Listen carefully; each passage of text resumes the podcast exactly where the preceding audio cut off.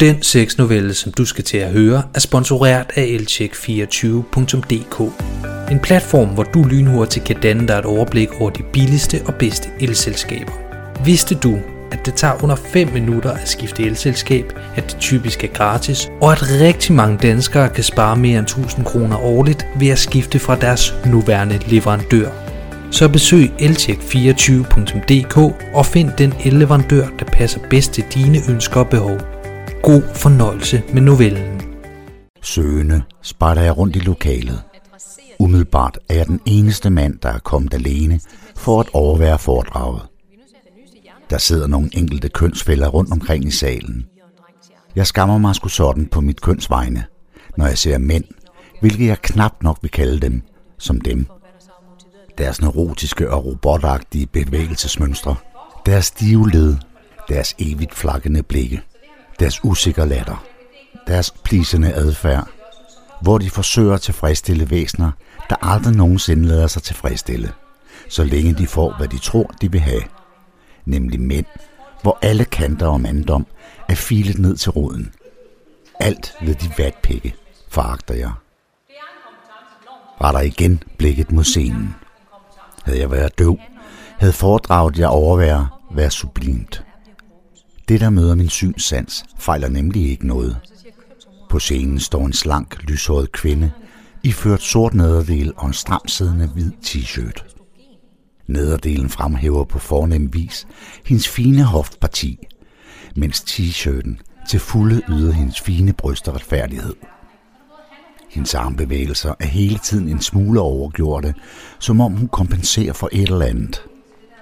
Hendes øjne er smukke, men der er nu alligevel et vækstpunkt ved disse. Under hele foredraget har de nemlig båret på en fortyndet udtryk, rummet en harme, som ikke klæder dem, en foragtelse, ja. som man ikke forlader dem, når hun smiler eller griner. Faktisk gyser jeg en smule, hver eneste gang hun slår sin skæbbende latter, som lyder som en krave, der skriger. Den er så unaturlig og forseret, at jeg forundres over, hvorfor hverken hun eller hendes medsøster er i stand til at afsløre hendes bluff. At en stor del af holdningen, som hun ytrer, ikke er født i hendes eget sind, men direkte adopteret fra bøger, skrevet i eget menstruationsblod af forsmående kvinder i febervildelse, som hun inderst inde er uenig med. Mig snyder hun dog ikke. Jeg er nemlig en sand mester til at afkude folk og gennemskue, hvorvidt et menneske fortæller en løgn eller giver mig sandheden. Det er ikke fordi hele foredraget indtil nu har været en lang parade af budskaber og holdninger – som hun inderst inde ikke selv køber ind på. Eksempelvis agiterede hun længe for, at mænd og kvinder skal have lige løn. Her var der intet ubevidst tal, der afslørede et bluff. Det har der dog været mange andre gange. Hendes tal er det samme hver gang. Og når hun med stemmekraft og tilstræbt overbevisninger siger noget, som konflikter med noget dybt i hendes indre, vifter hun lidt pandehår til siden med sin venstre hånd – det er med garanti ikke noget, hun selv er bevidst om, at hun gør. Men det sker hver gang. Efter hver anden sætning, som hun råber ud med voldsom kraft, formentlig for desperat at overbevise sig selv om, at sandhedsværdien af ordene, hun inderst inden tvivler på, løfter hun per automatik sin venstre hånd og vifter lidt pandehorn til siden. Også selvom det sidder præcis som det skal. For det gør det. Hun er nemlig åbenlyst forfængelig ud over alle grænser. Jeg kæmper for ikke at tage mig til hovedet. De fleste sidder med trancerlignende blikke vendt mod scenen. Nogle enkelte har blanke øjne, som havde de lige overværet Mozarts symfoni nummer 40 i G-mol for første gang. Styr jer nu for fanden. Lad for helvede da være med at købe ind på den løgn som selvbedrageren manipulerende spyr ud over jeres forsvarsløse stakler. Accepter i stedet jeres indre vilddyr, og forlig jer med, at I tiltrækkes og begæres af skæve magtforhold. At tilstedeværelsen af en alfahand får det til at drive for jeres stramme fisser, og at de mest himmelske orgasmer først kommer, når I med dæmonisk vildskab slipper den billige luder, som I alle gemmer på, løs. Efter foredraget. Til lyden af latter fra fire kvinder, løfter jeg et champagneglas mod munden og tager en stor slurk. Samtidig med, at de fire kvinder med nysgerrige øjne følger enhver bevægelse, jeg gør. De otte øjne ser mig herefter sætte glasset fra mig i en rolig, glidende bevægelse på det lille runde bord, som vi er samlet om. Bordet er beklædt med en nystrøget du i uskyldens farve, hvid. Jeg sætter glasset så blidt, at man fristes til at tro, at indholdet af det er frossent. Champagnen bevæger sig nemlig stort set ikke, da foden af glasset møder bordet. Til højre for glasset ligger mit sæt falske bilnøgler med et Mercedes-logo pegende opad. Jeg trækker lidt på skuldrene, smiler skævt og siger, Nå de damer, det har været hyggeligt at lære jer at kende. Dejligt, at I nød det fantastiske foredrag, lige så meget som jeg gjorde. Men jeg er desværre nødt til at smutte. Har et møde med Amnesty her om en times tid, hvor vi skal lægge en slagplan for, hvordan vi bedst muligt hjælper nødstedte kvinder, der er blevet mishandlet i Nigeria. Kvinden ved siden af mig lægger sin hånd på mit håndled, kigger mig dybt i øjnene og siger fløtende. Hvor er du bare et fantastisk menneske, altså. Det er virkelig sejt. Men altså, så efterlader du jo fire nødstede danske kvinder, der kommer til at længes efter en fantastisk mands opmærksomhed. Vil du være det bekendt? De tre andre kvinder ved bordet griner. Jeg stemmer i med grin og siger, ja, det kan vi heller ikke have. Hvad skal vi gøre ved det? Nu forholder det jo så heldigvis sådan, at jeg er chef for den afdeling, der har til opgave at formulere netop den slagplan. Måske kan jeg udskyde mødet med en lille hvid løgn, så jeg bliver i stand til at håndtere den pludselige opstående kritiske situation her. Hvor fire smukke, betagende kvinder risikerer at stå helt uden mandlig selskab. Det kan vi nemlig heller ikke have. Det var nærmest grinagtigt, hvor opstændet de fire kvinder blev, da jeg brugte ordene chef og magtmisbrug. Åbenlyst gik de ord lige i trusserne på dem. Med en lille pigestemme siger den ene af kvinderne, Ej, ja, det skal du gøre. Berig og stakkels nødstede kvinder med en nu mere mandlig selskab. Som de befaler, de damer, siger jeg og nikker. Hvorefter jeg vender blikket på en tallerken og går væk derfra. Mens jeg fisker mobilen op af lommen og lader som om jeg taster et par cifre ind på den. Jeg forlader receptionsrummet og kommer ud i en gang, hvor jeg er ganske alene.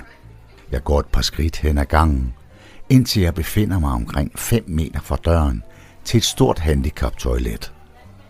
Selvom jeg er alene, spiller jeg løgnen helt ud. Derfor løfter jeg røret op til øret, smører mit ærme ned, så mit falske Rolex-ur kommer til syne, og giver mig et kast med at lade som om, at jeg taler i telefon.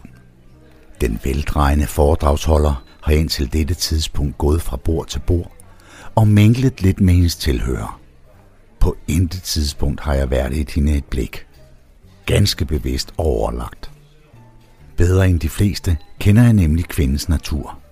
Derfor overrasker det mig, da heller ikke det fjerneste, at hun tilslutter sig mit selskab ude på gangen, cirka 30 sekunder efter, at jeg indtog disse lokaler.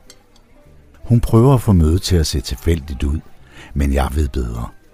Jeg smiler til hende, mens jeg peger på telefonen med min frie hånd og trækker på skuldrene for at vise min beklagelse over, at hun må vente lidt på, at jeg kan dedikere hende min fulde opmærksomhed.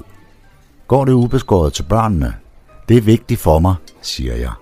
Jeg tøver et par sekunder for at gøre skuespillet realistisk, hvorefter jeg siger, Jamen, øh, så vil jeg gerne donere 50.000 kroner. Kan I ikke bare sende et kort?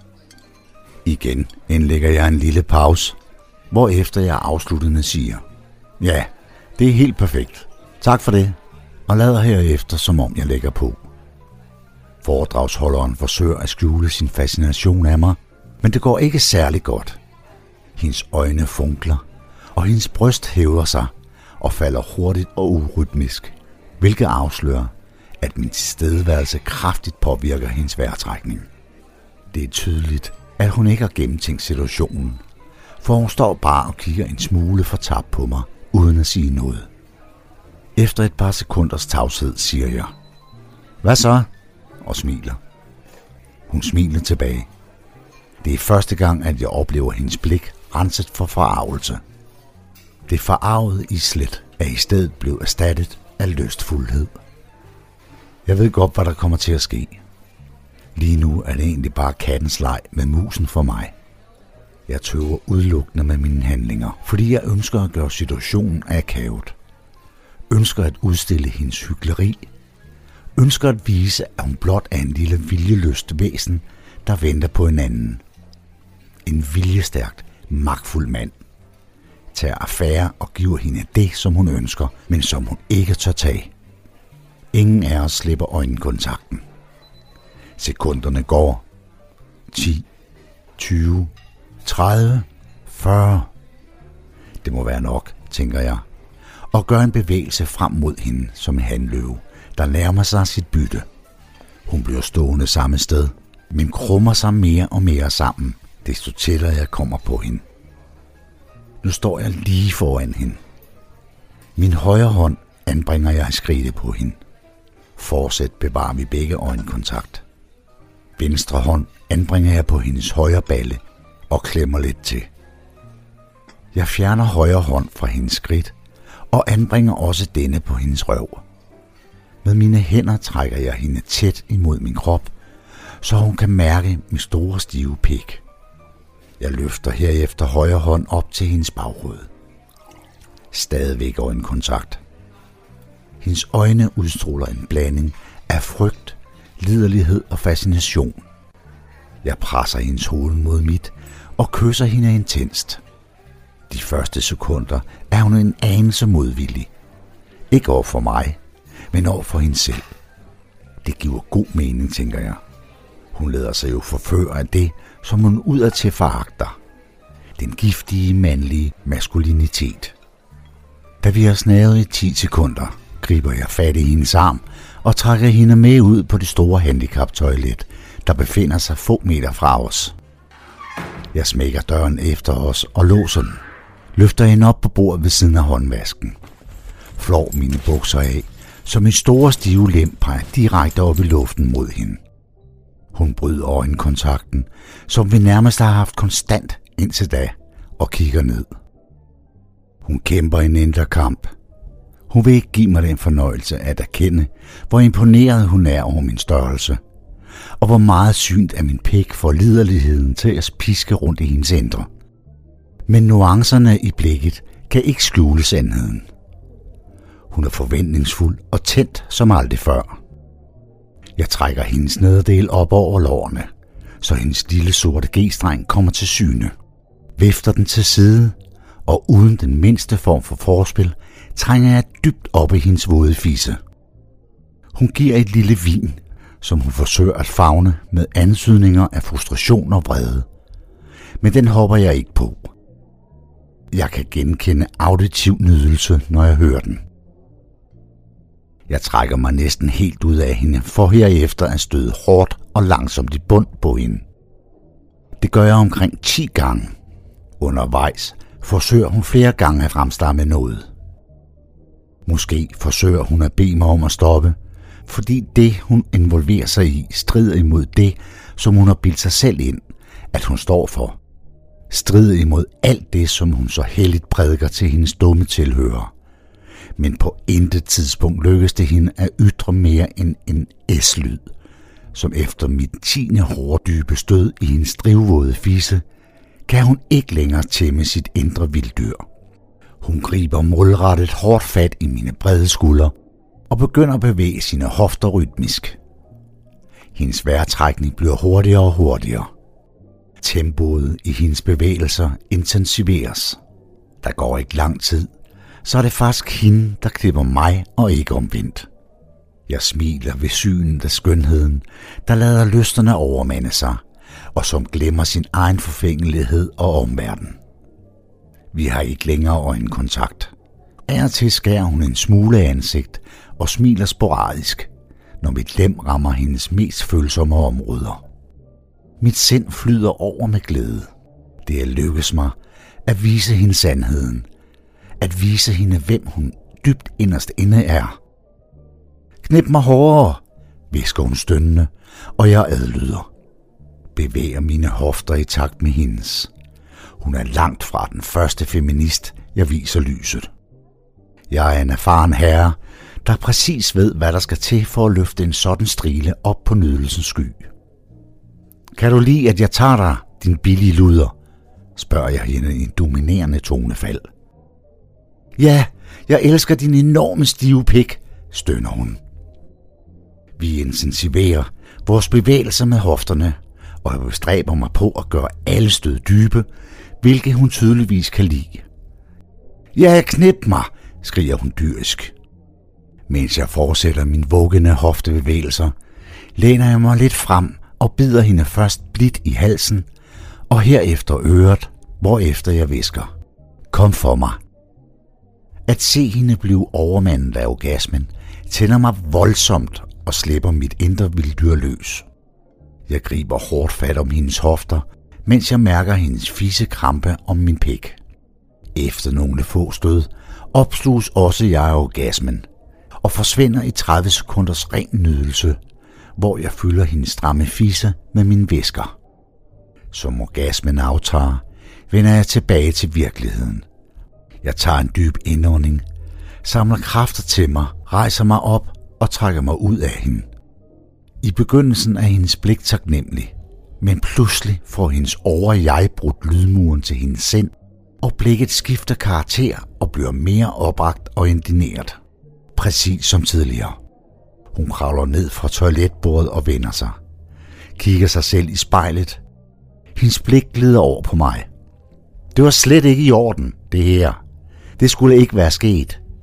Det var et overgreb. Jeg havde ikke lyst, siger hun. Hvorefter hun med sin venstre hånd retter på sin pandehår. Få sekunder efter smækker døren, da hun forlader toilettet og vender tilbage til sine medsøstre. Sikkert for at fastholde sig selv og dem i den løgn, som hun har afholdt hende fra dyriske nydelse og åndelig frisættelse i så lang tid.